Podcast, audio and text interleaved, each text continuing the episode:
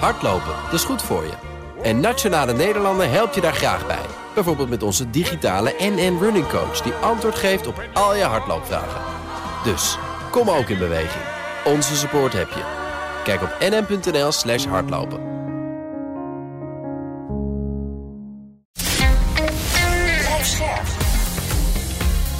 BNR Nieuwsradio. De AEX-factor. Wesley Weerts, Jelle Maasbach. Jazeker, de podcast voor de slimme belegger, de AX-factor. Elke week een nieuwe gast die je bijpraat over beurzen, beleggen en vermogen opbouwen. En hij is weer bij ons, Nico Inberg van de aandeelhouder. Met jou uh, bespreken we waarom buitenlandse dromen van Nederlandse beursbedrijven vaak uit elkaar spatten. Denk aan BAM International, dat in het buitenland hoopt op gouden bergen. In plaats daarvan werd de bouwer opgezadeld met forse verliezen en flinke hoofdpijn.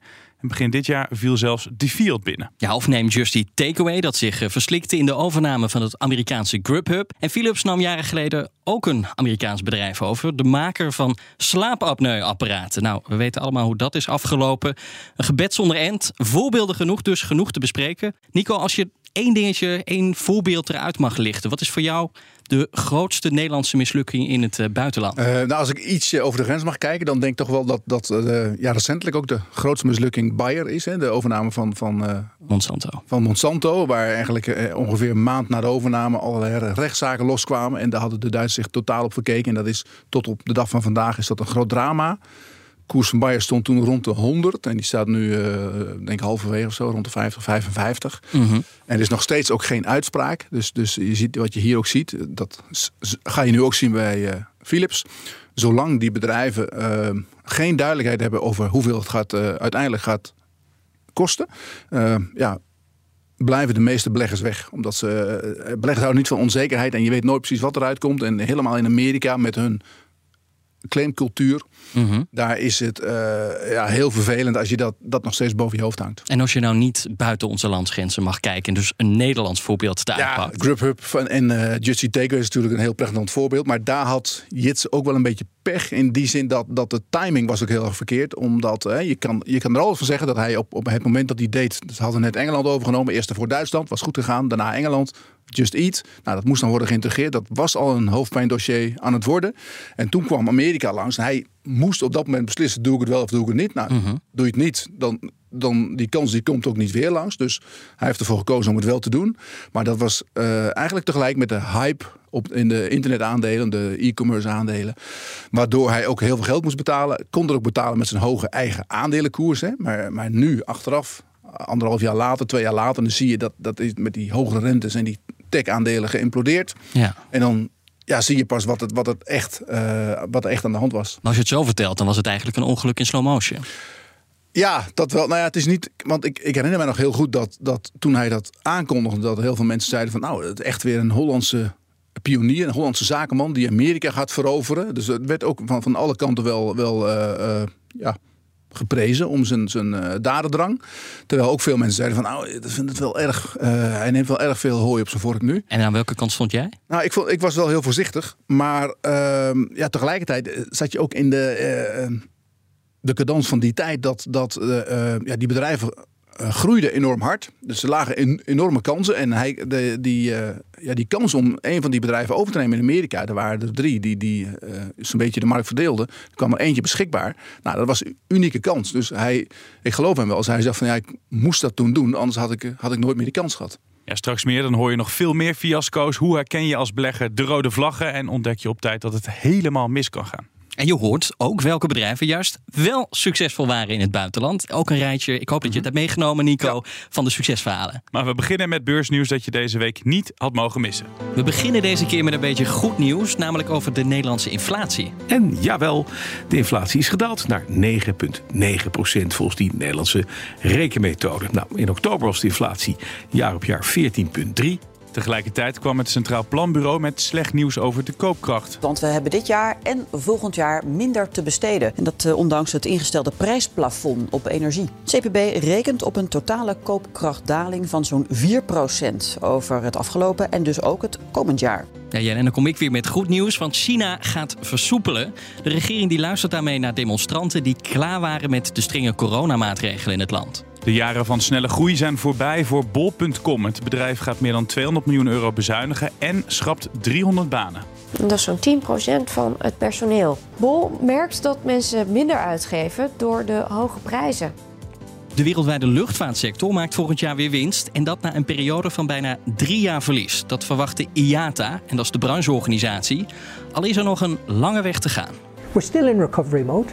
There's still a long way to go before we get back to the uh, sort of levels of passenger traffic that we witnessed in 2019. Uh, I think there's still, um, you know, scope for the industry to recover during 2023 and into 2024 as well. De Taiwanese chipmaker TSMC doet een mega-investering in Amerika. En het is er eentje van historische proporties. Taiwan Semiconductors Manufacturing Corporation investeert 40 miljard dollar de komende tijd in twee fabrieken in Arizona.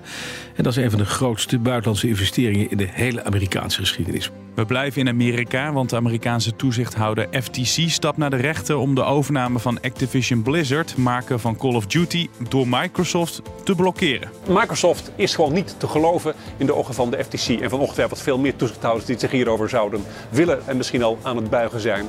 Ja, en dat maakt de zaak van de FTC vrij sterk. Dus ik ben wel heel benieuwd hoe het af gaat lopen. Het gaat namelijk om gruwelijk veel geld. Je zei het, 75 miljard. En McDonald's trekt alles uit de kast om de klant en belegger terug te krijgen. De verkoper van hamburgers en Franse frietjes heeft meer klanten nodig en zet vol in op de eigen mobiele app. Cheeseburgers voor 50 cent, exclusieve merchandise en de kans op levenslang gratis eten als je de Mac-app hebt. Het bedrijf moest wat verzinnen, want dit jaar wil het niet helemaal lukken. Het aandeel is uh, nog geen procent gestegen. Een icoon, Nico, als de Mac lijkt dus geen zekerheidje. Of ben je het daar niet helemaal mee eens? Nou, ik ben het niet helemaal mee eens in die zin dat je zegt het aandeel heeft, heeft het jaar niet veel gedaan. Nee, dat is waar. Maar goed, het is ook niet gedaald. Veel aandelen zijn wel gedaald, McDonald's niet. Ze hebben natuurlijk de Russische winkels moeten, zaken moeten afstoten. Er waren zo'n 600. Laten we zeggen anderhalf procent van de omzet. Dus ja, dat, dat kost ook wat geld. En ze krijgen te maken met inflatie natuurlijk. Dus daar moeten ze ook een klein beetje rekening mee houden. En, uh, maar op zich, het is wel... Kijk, het aandeel is, het is, het is uh, best een duur aandeel. Staat geloof ik 27 keer de winst. Nou ja, de groei is er wel een klein beetje uit inmiddels. Mm -hmm. Ze worden, ik geloof dat ze in Amerika ook een beetje marktaandeel verliezen. Dus ja, het, het, de, de, het echte vet is wel van de soep, zoals het heet in België. En de milkshake is dus half vol uh, bij jou. Jij bent uh, optimistisch. Zij zetten dus grof in op die aankopen via de mobiel.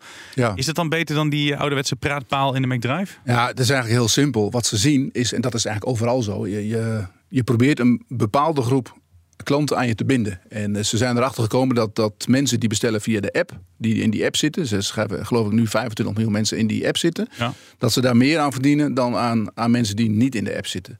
Nou, dat is gewoon statistiek. Hè? De data-analyse, dus wat ze proberen, en dat doen andere bedrijven ook, die proberen gewoon zoveel mogelijk mensen uh, vast te krijgen in die app. En die kunnen ze dan beter bedienen, kunnen ze beter bereiken. En uh, in die zin proberen ze die mensen beter aan zich te binden.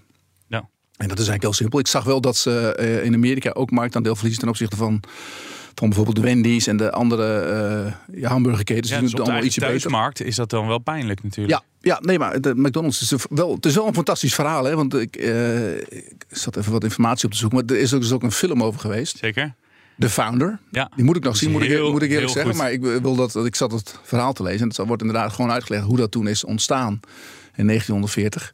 En uh, het is wel echt een bijzonder verhaal natuurlijk. Ja. Het is een iconisch merk. Ja, het is een beetje hetzelfde soort van hetzelfde als met Mark Zuckerberg en Facebook. Het niet zelf verzinnen, maar wel zelf groot maken. We Ja. het daar uh, maar uh, ophouden.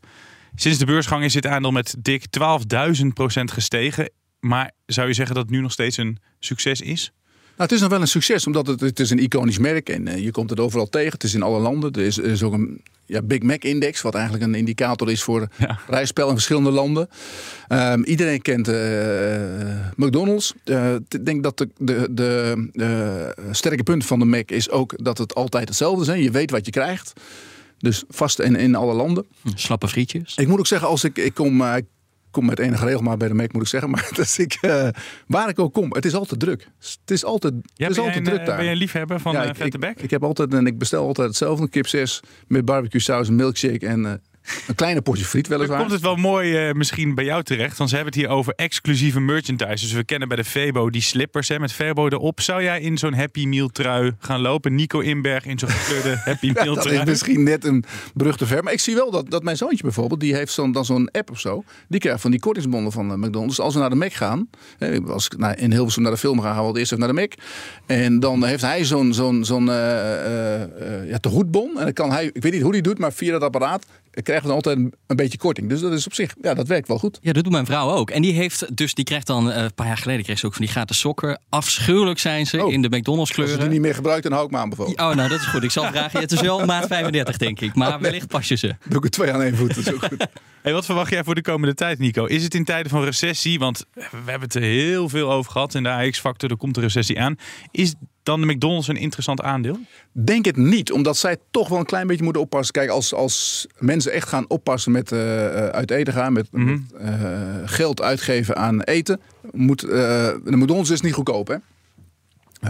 Je weet wat je krijgt, maar het is niet goedkoop. Maar als je ook ziet wat. ehm, eh, ik denk dat ze, ze ja, met name de, de wat. Hoe moet ik dat voorzichtig zeggen? De, de wat arm, het wat armere deel van de bevolking bedienen. Die zitten vaak bij de Mac, die gaan vaak uit eten. Het is natuurlijk wel, als je vergelijkt met een restaurant, is het goedkoper dan, dan naar een restaurant gaan. En rijke analisten als Nico Inberg die daar zitten met hun zoon. Ja, eh, waarschijnlijk ben ik Duits zonder ik die, die regel bevestig. Maar, eh, dus ik denk dat ze wel een klein beetje moeten oppassen als mensen echt voorzichtig worden met geld uitgeven. Wat, wat we natuurlijk verwachten voor volgend jaar.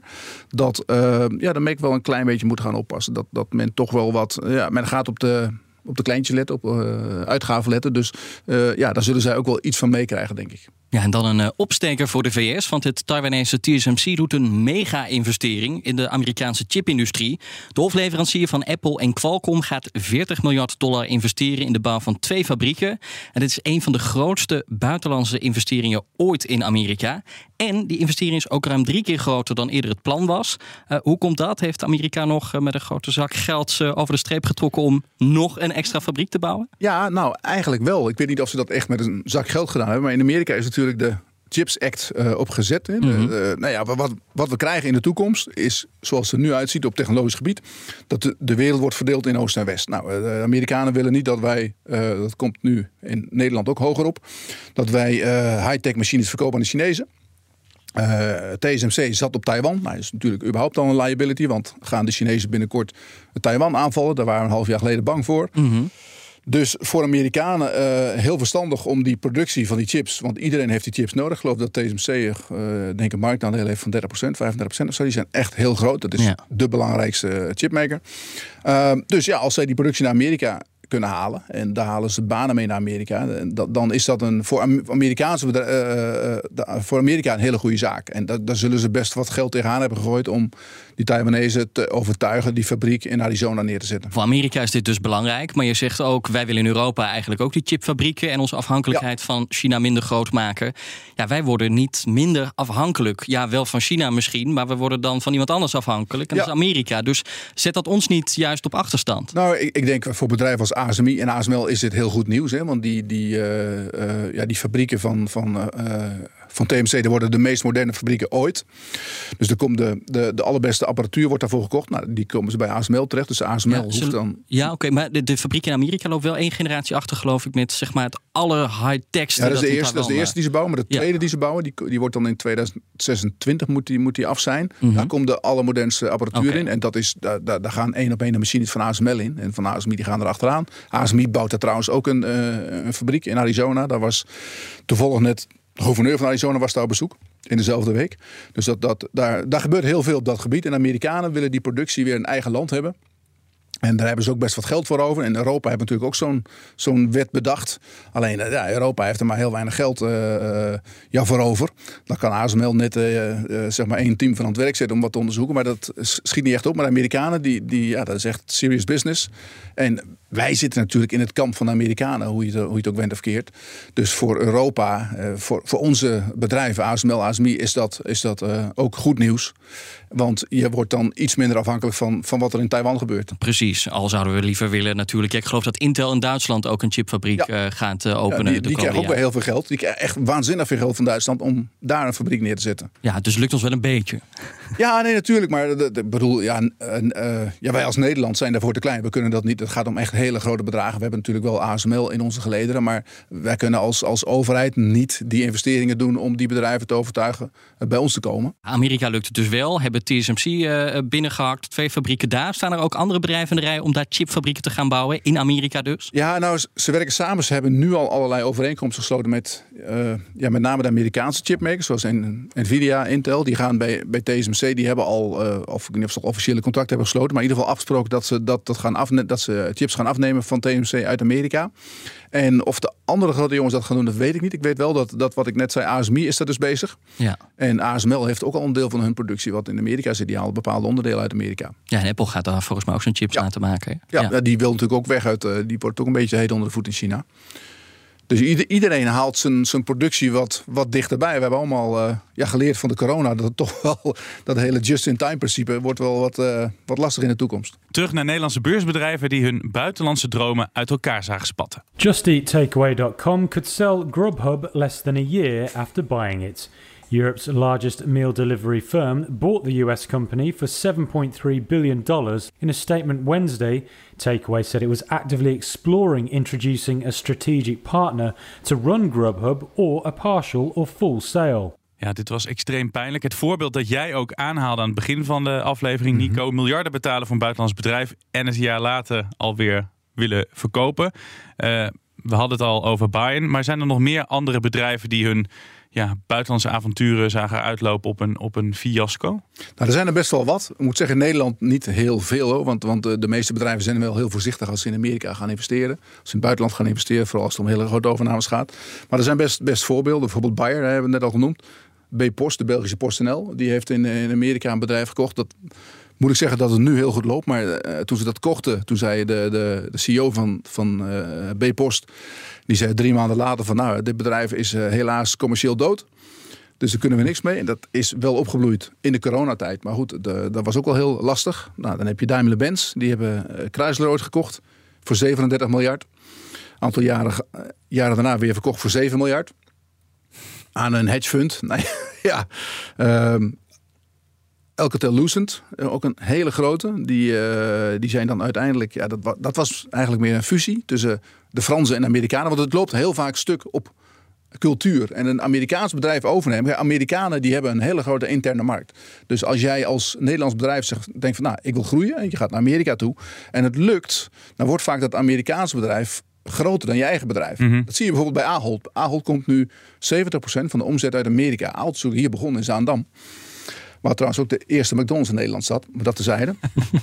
uh, Ahold is hier begonnen in Zaandam. Maar die eh, is naar Amerika gegaan. En nu komt 70% van de omzet uit Amerika. Dus eigenlijk is, is Ahold USA is veel groter dan Albert Heijn hier bij ons. Wat Egon bijvoorbeeld ook en, uh, had Egon, en nog meer. Is een heel goed voorbeeld. Egon precies hetzelfde met Transamerica. Ja. Was eigenlijk ook een ja, niet heel goed gelukte overname, maar is altijd wel, wel doorgegaan. En nu gaat Egon Nederland gaat naar ASR en ze houden Transamerica over. Dus het Amerikaanse deel blijft eigenlijk, en dat was al leidend, dat blijft nu over. Omdat het uh, een hele grote interne markt heeft, ja. die vele malen groter is dan wij hier in Nederland hebben. Je had een mooi uh, rijtje met buitenlandse namen, maar toch zijn er ook wel wat Nederlandse bedrijven weer te geven. Just Eat Takeaway, maar bijvoorbeeld ook BAM, de bouwer. Ja, pas wel een ander Een gigantisch prestigieuze project in het buitenland, maar nou ja, ze kwamen toch weer eh, thuis van de koude kermis. Dat, dat ging niet goed. Philips, uh, dat... Uh, Respironics, ja. ja de maker van slaapapneuapparaten overnam. ABN AMRO, dat de bank was in het, hè, met het buitenlandse netwerk, dat ook weer terugkwam. Ja, ook, ook nog. Die ging ook een Amerikaanse bank overnemen, een Braziliaanse bank. Hoe kijk je daarna? Want er was wel veel natuurlijk van hun succes was gestoeld op het buitenland. Of de belofte dat het zou gaan werken in het buitenland. En toen kwamen ze toch weer terug. ik moet zeggen, ik ben nooit zo voor hele grote overnames. Omdat het toch wel, uh, in, in veel gevallen is het toch heel moeilijk om uh,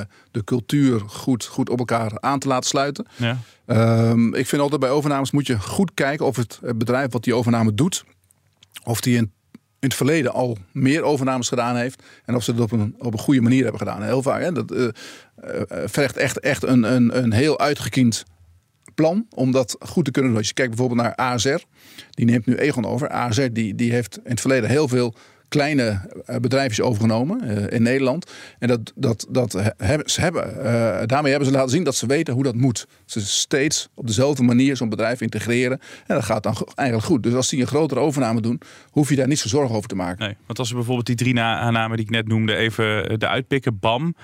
Uh, die wilde het in het buitenland echt gaan maken. Ja, BAM, maar BAM is echt een apart verhaal. Die, kijk, BAM die, die, uh, ja, die zaten natuurlijk in moeilijkheden met allerlei dingen. Maar dat, dat BAM International, dat sloeg helemaal nergens op. Wat die, die, die mensen hebben zichzelf uh, schromelijk overschat. Die dachten dat zij een IKEA moesten bouwen in Indonesië of in Singapore. Nou, ja. Dat slaat natuurlijk nergens op. Nee. Want ja, wat gebeurt er met een bouwer? Die kan niet de, de, ja, met zijn mensen hier, hier uit Nederland meenemen naar Singapore om, om een ding te bouwen. Dat doe je met lokale mensen. Dus je moet altijd uh, ja, lokale bouwvakkers hebben. Dus wat, wat gebeurt er met BAM? Die hebben hier, in Nederland maken ze een plan. Nou, ze, winnen die opdracht voor een bepaalde hoeveelheid geld. Er zit vaak al weinig marge op. Moeten ze dat gaan doen, dan moeten ze op zoek naar lokale aannemers. Want ja, die moeten het werk doen. En die lokale aannemers die denken, oh, daar komt BAM aan uit Nederland. Nou, die komen hier waarschijnlijk voor één opdracht. Die zullen ze goed de grazen nemen. En die, ja, die krijgen dan, uh, dat is gewoon heel heel lastig als je die lokale markt niet kent om daar de goede mensen te zoeken, de goede partijen bij te zoeken. Dus ja, je, je bent dan in een vreemd land en dan moet jij dan opeens wat gaan doen. Je hebt dan wel die opdracht gewonnen, maar dat is eigenlijk het begin van de ellende. Ja, wat ook wel heel knullig is. En dat heb je ook gezien bij BAM. Ja, en bij Philips dat dan over buitenlandse markt gesproken naar Amerika ging en daar een overname deed en eigenlijk, nou ja, geen goed onderzoek had gedaan, want ze kochten eigenlijk een kat in de zak, want dat is nu het hoofdpijndossier van het bedrijf geworden. Ja, dat is ook een bijzonder verhaal. Want was juist in de, de coronatijd hebben ze daar heel veel verdiend met Respironix. Want die maakte ook die, die, die, die beademingsapparatuur. Dat ging uh, heel erg goed. Maar daar hebben ze wel een fikse aanvaring gehad met uh, de Amerikaanse overheid. Omdat ze iets te veel geld hadden gevraagd voor die dingen.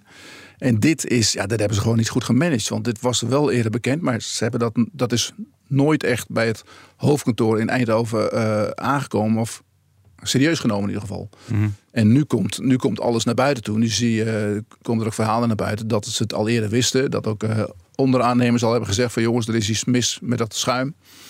Dus ja, ik ben benieuwd hoe het gaat aflopen. Dat gaat ze wel een, uh, een lieve duit kosten, denk ik. Ja, wat hebben al deze voorbeelden met elkaar gemeen? Oftewel, wat gaat er vaak fout? Is dat wat jij net zei van gewoon de markt niet goed in kaart brengen? Ja, dat is het niet zozeer denk ik. Het, het, het gaat er meer om dat je de, de controle die je hebt over zo'n bedrijf, die is vaak niet goed. Het gaat erom in hoeverre heb je de mensen daar die daar werken onder controle? In hoeverre ja, moet je daar Nederlanders neerzetten? Moet je mensen neerzetten die alle informatie doorgeven naar Nederland, naar het hoofdkantoor? Vaak is er een, is er een, is er een gap tussen de informatie die bij het lokale bedrijf is. Hè, wat vaak een bedrijf wat overgenomen is, die denken van we kunnen het zelf, we doen het op onze eigen manier. Dus de cultuur sluit niet goed aan.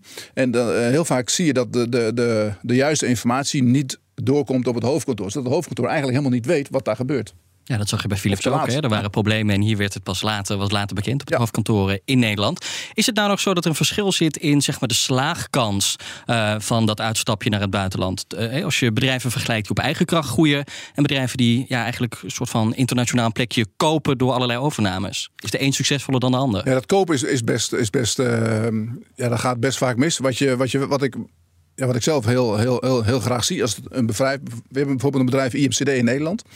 Die doen in de handelaar in chemische producten. Nou, wat die doen, als die naar een nieuwe markt willen, dan die kopen in Amerika, hebben ze bijvoorbeeld een klein bedrijfje gekocht. En uh, dan, dan kopen ze niet het hele bedrijf, maar ze kopen 60% en 40% blijft bij de, de voormalige eigenaren. Die moeten nog een aantal jaren aanblijven. En dan gaan ze vanuit dat bedrijf gaan ze eerst kijken hoe het gaat. En dan beginnen ze te groeien vanuit dat bedrijf. Dus het, het, het, is eigenlijk een hele, hele verstandige manier van, van overnemen. Waardoor je, als het niet goed gaat, kun je er altijd nog een keer vanaf. Je hebt er niet je, je volledige uh, uh, ja, nek ingestoken. En je ziet dat, uh, omdat die, die mensen die er werken moeten aanblijven, dat die ook een belang hebben nog in dat bedrijf en ook meewerken om het te laten groeien. Wanneer kun je nou eigenlijk echt van een mislukking spreken? Want dat is voor een belegger wel belangrijk, want het bepaalt misschien het moment waarop je ook uitstapt. Nou, de bedoeling is natuurlijk om waarde toe te voegen en om, om uh, strategisch, laat ik, ja, laat ik het dan zo zeggen, om, om ja, strategisch een stap te maken. En, en uh, dus het, het, het, hangt niet per se af van de overnameprijs of van wat dan ook. Maar je hebt met je bedrijf een plan. Je wilt groeien of je wilt een bepaalde kant op. Je wilt een bepaalde markt veroveren. Ehm, en daartoe doe je een overname. Je kunt ook op eigen kracht groeien. Je kan zelf daar een bedrijfje beginnen of gewoon eerst wat exporteren. Maar eh, bijvoorbeeld een heel mooi voorbeeld is nu Sligro, hè, de foodservice groothandel. Die, willen, nou, die zitten alleen in Nederland en die willen graag groeien in België. Dat is het eerstvolgende land waar ze heen kunnen. Ze zitten zelf in Veghel, dus dat is heel dichtbij. En uh, die hadden besloten om uh, um, ja, langzaam maar zeker te groeien in België door, door kleine overnames van, van kleine bedrijfjes. Maar die hebben nu in één keer hebben ze een bedrijf overgenomen, Metro. Die zijn failliet gegaan in België en die, was te koop. Ja. En die konden ze krijgen voor 50 miljoen. Nou, dat zijn negen winkels. Uh, ja, um, met landelijke dekking. Ze zijn nu in één keer de nummer één in België. Nou, betalen ze wat geld, misschien iets te veel, dat weet ik niet. Maar die hebben in één keer het plan wat ze hadden, voor vijf jaar, hebben ze nu in één jaar uitgevoerd. Maar als het dus fout gaat, hoe herken je dan toch op tijd de, zeg maar, de rode vlaggen? En zie je eigenlijk op tijd dat het helemaal misgaat? Nou, dat is moeilijk, omdat heel vaak ook het management uh, de, die die overname gedaan heeft, die gaat dat verdedigen natuurlijk. Want die gaan niet zeggen van ja, ik heb een domme fout gemaakt of het gaat helemaal misstaan. Nee, die denken van eh, een CEO die heeft dat gedaan. Je hebt vaak van die CEO's die willen dan uh, wat doen, die willen wat achterlaten. Dus die doen een hele grote stap. En dan gaan ze dat ook lopen verdedigen. Dus het is niet 1, 2, 3 te zien, maar je kunt wel goed zien aan bijvoorbeeld de cijfers, de, de, wat ze voorspiegelen. Heel vaak als een overname gedaan wordt, nou dan moet er nieuw geld op tafel komen of nieuwe aandelen. Dus dan komt er een plan. En dan zeggen ze, nou, we hebben dit gekocht en dan gaat zo en zo en zoveel groeien. En dat betekent dit voor de winst op termijn. Nou, uh, het eerste jaar is vaak nog een beetje, dan moet alles nog een beetje, een beetje recht worden getrokken. Maar op termijn moet dat er wel uitkomen. Als dat niet blijkt uit de cijfers, ja, dan, dan kan je al heel snel zien van nou, het, het is niet de overname die ze hebben voorgespiegeld. En dan, dan, uh, dan kom je langzaam zeker wel achter dat, dat, het, dat het gewoon niet werkt. En dan uitstappen? Nou ja, uitstappen, dat, dat hoef je al niet zo snel te doen. Maar ze moeten natuurlijk wel met een, een verhaal komen dan van ja, waar het mis is gegaan. Of wat er, wat er aan de hand is. En uh, goed, heel vaak er zijn altijd wel, wel redenen te bedenken, te geven waarom iets niet lukt. Dus uh, ze verzinnen altijd wel wat. Dat kunnen altijd wel de schuld geven aan de economie of aan de, de corona dit keer of uh, Chinezen, weet ik veel. Maar heel vaak is een, een, wordt een overname wordt vaak gewoon te positief voorgesteld. Maar dat moet ook natuurlijk, hè, want ze moeten de mensen erachter zien te krijgen om het, om het te doen. Ja. Dus je moet een, een CEO die, die dat graag wil, ja, die, die, uh, uh, die, bedenkt, die bedenkt iets en die moet dat verkopen aan zijn medewerkers, zijn achterban, zijn aandeelhouders. Ja, dan kan hij niet zeggen van nou, waarschijnlijk wordt het niks, maar we gaan het toch maar doen. Nee, die moet met een mooi verhaal komen. Diezelfde aandeelhouders die kunnen gaan mokken als het niet loopt zoals ze willen dat het loopt. Zoals we zagen bij Justy Takeaway en ja. de overname van Grubhub. Een jaar later al in de etalage. Je kan ook zeggen, advocaat van de duivel, moet een bedrijf niet wat meer tijd krijgen? Moeten types als Jitse Groen niet wat meer de tijd krijgen om een droom te verwezenlijken? Ja, dat kan je zeker zeggen. Dat ben ik helemaal met je eens. De, de aandeelhouders van Justy Takeaway hebben willens en wetens gestemd over deze overname. Die mm -hmm. hebben massaal voorgestemd. Die waren voor. Nou, gaat het een jaar later mis, begint iedereen te mouwen. Um, er zijn zoveel dingen gebeurd in een jaar. Dat kan niet, ik bedoel, Jitsen heeft ook wel fouten gemaakt. Maar de, de, heel veel heeft ook te maken met de hogere rente. Met hoe de markt in elkaar zat. Hoe het ging allemaal. Uh, dus dat kan, hij heeft niet alles onder controle. Alleen de, de, de dynamiek van alle, uh, alle events die gebeurd zijn in dat jaar... heeft ervoor gezorgd dat, dat het aandeel van ja. 100 naar... Nou, dat stond op een gegeven moment 12,5. Ja. Nu staat er 21. Maar dat is niet allemaal uh, zijn schuld. En uh, het, is wel, het is iedere keer een momentopname. Er zijn dus best wel wat risico's uh, aan die buitenlandse uitstapjes, om ze zo te betitelen. Het is een enorme rollercoaster. Waarom doen die bedrijven dat dan toch zo graag? Is dat ook het ego van de CEO? Want het staat natuurlijk wel wijs als je mede. dingen koopt. Ja, is dat het? Mede? En wat nou, is mede, kijk, als bedrijf... Je moet ook wel oppassen dan, dan in, in... In sommige gevallen is het ook eten of gegeten worden. Bijvoorbeeld in, in dit geval van Justin Takeaway.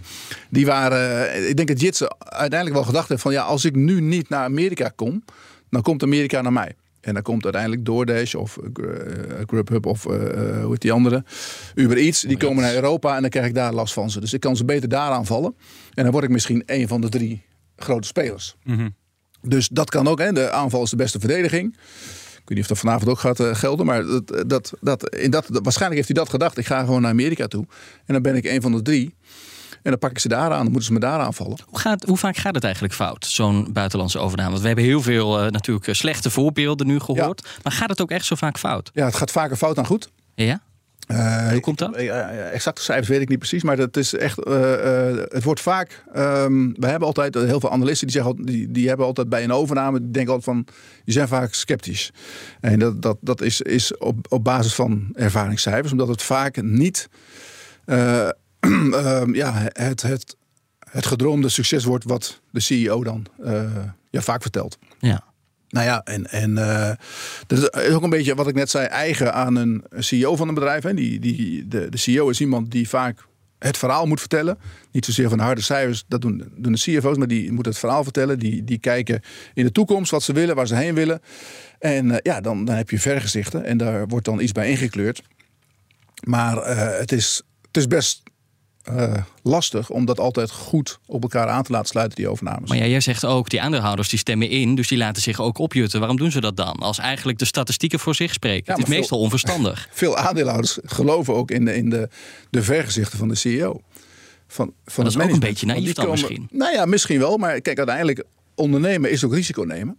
En eh, ja, als je wil, wil blijven groeien, dan moet je af en toe moet je behoorlijke overnames doen. En je ziet met, nou, als ik weer, terugkom op Takeaway, dat hoe zij dat in Duitsland hebben gedaan, dat, dat hebben ze wel gewonnen uiteindelijk. Dat heeft hij goed gedaan. Dus Ja. die, die, die Duitse markt heeft hij uiteindelijk veroverd. Heeft wel wat gekost. Maar goed, dat is gelukt. Nou, ging je volgens naar Engeland. En dacht men van, nou, als, het- als het hem daar lukt, lukt het hem daar waarschijnlijk ook. Want hij weet als geen ander hoe het spelletje werkt.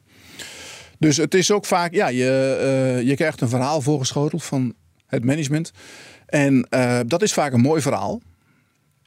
En natuurlijk moet je daar je kanttekening bij zetten, eh, eh, omdat het eh, in de praktijk vaak niet uitkomt. Maar heel veel aandeelhouders die denken wel van, nou, als ze dat doen, dan dit, dan gaat de winst zoveel omhoog, dan krijgen ze zoveel omzet erbij. Krijgen Nou, dollartekens in de die ogen. krijgen dollartekens in de ogen. En was er ook een bedrijf waarbij je op de tafel stond te juichen toen ze zeiden: ja, wij gaan internationaal. Ik ben toevallig aandeelhouder van Sligo. Of niet toevallig, was een bewuste keuze. Maar goed, het, eh, Oh, toevallig Dat zat toevallig in in de. Ja, nee, dat, is, dat, is, eh, dat vind ik echt een hele slimme. Ik hoopte echt dat, dat dit zou lukken. Omdat ik denk van nou, dit is een, echt een hele mooie stap als je, je zoiets kan doen. Maar er was hier iets specifieks waardoor jij enthousiast werd.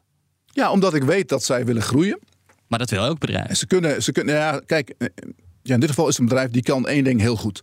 Ze zijn in Nederland marktleider en dat doen ze heel erg goed. En, eh, met name als je kijkt bedrijven die komen dan uit een crisis en die komen er sterker uit. Dat is, dit is echt, dit is echt zo'n bedrijf. Nou, ik weet dat ze, ze willen groeien in België. Ehm, en en dat, dat ze daar op zoek zijn naar eh, kleinere overnames om het bedrijf te laten groeien op een, op een organische, natuurlijke manier. En dan komt zoiets langs en dan kan je eigenlijk voor weinig geld kan je in één keer je plan, eh, eh, je plan realiseren. Nou, En ik las, las van de week de analistenrapporten, die zijn dan allemaal nog een beetje sceptisch. Zeggen van ja, het eerste jaar kost het geld. Maar ik kijk graag een beetje verder, van eh, ja, tussen drie en vijf jaar. Dit is wat die men- mensen graag willen en hier ligt hun toekomst. Hier kunnen ze schaalgroot verwezenlijken. Het sluit aan bij waar ze zitten. Dus het is een hartstikke logische overname. Iedereen begrijpt dit. Ja. Maar je hebt ook wel eens overnames dat je denkt van... jee, wat moet je daar nou? Aan het begin van de uitzending noemde je eh, tot slot een paar namen die wel succesvol waren eh, in het buitenland. Ahold noemde je geloof ik. Egon noemde je ook, bijvoorbeeld. Ja, en, en, en wat jij net zei, dat waren natuurlijk eh succes uit het verleden. Als Ja. wij gewoon naar de toekomst kijken, dat is wat we natuurlijk eigenlijk altijd doen met beleggen. Verwacht je nog van Nederlandse bedrijven dan wel niet eh, uit de AX of de midcap die de kant van Ahold opgaan? Ja, Sligo hebben we Nou, ja, bedrijven zijn wel voorzichtiger geworden. Omdat natuurlijk nu eh, economisch is het heel, heel onzeker allemaal. En dan, dan gaan bedrijven geen rare dingen doen. Gaan ze, eh, eh, houden ze heel goed de achterdeur op slot. Dus bedrijven zijn nu wel voorzichtig met overnames. Ook omdat de dollar staat vrij hoog nu. Hè? Dus eh, ja, als je met euro's moet betalen, is dat ook vaak een dure overname. Ehm, het heeft ook te maken met je eigen aandelenkoers. Hoe makkelijk kun je een overname financieren? Het liefst betalen bedrijven, dat deed Ahold altijd, betaalde altijd met zijn eigen aandeel. Die had een aandeel wat hoog stond, stond 25 keer de winst. Dus je kon heel makkelijk nieuwe aandelen uitgeven.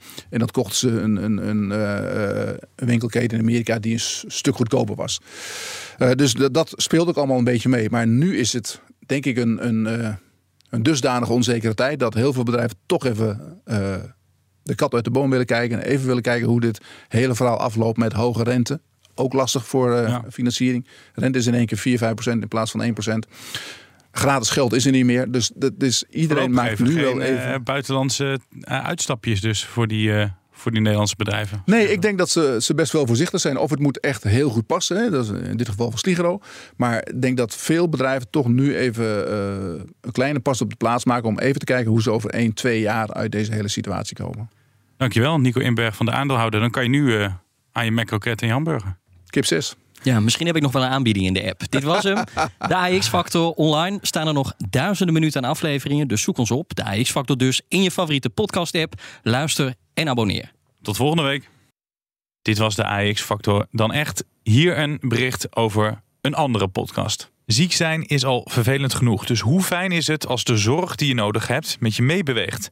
Zorg zonder digitalisering is niet meer voor te stellen. Maar hoe zorgen we ervoor dat er evenveel zorg gaat naar de beveiligingssystemen als naar de patiënt? En wat kan je doen om niet alleen je eigen organisatie, maar ook de hele keten beter te beschermen? Daarover gaat de nieuwste aflevering van de podcast Digital Heroes van KPN. Hij is nu te luisteren op bnr.nl of in je favoriete podcast-app. Hardlopen, dat is goed voor je. En Nationale Nederlanden helpt je daar graag bij. Bijvoorbeeld met onze digitale NN Running Coach... die antwoord geeft op al je hardloopvragen. Dus, kom ook in beweging. Onze support heb je. Kijk op nn.nl slash hardlopen.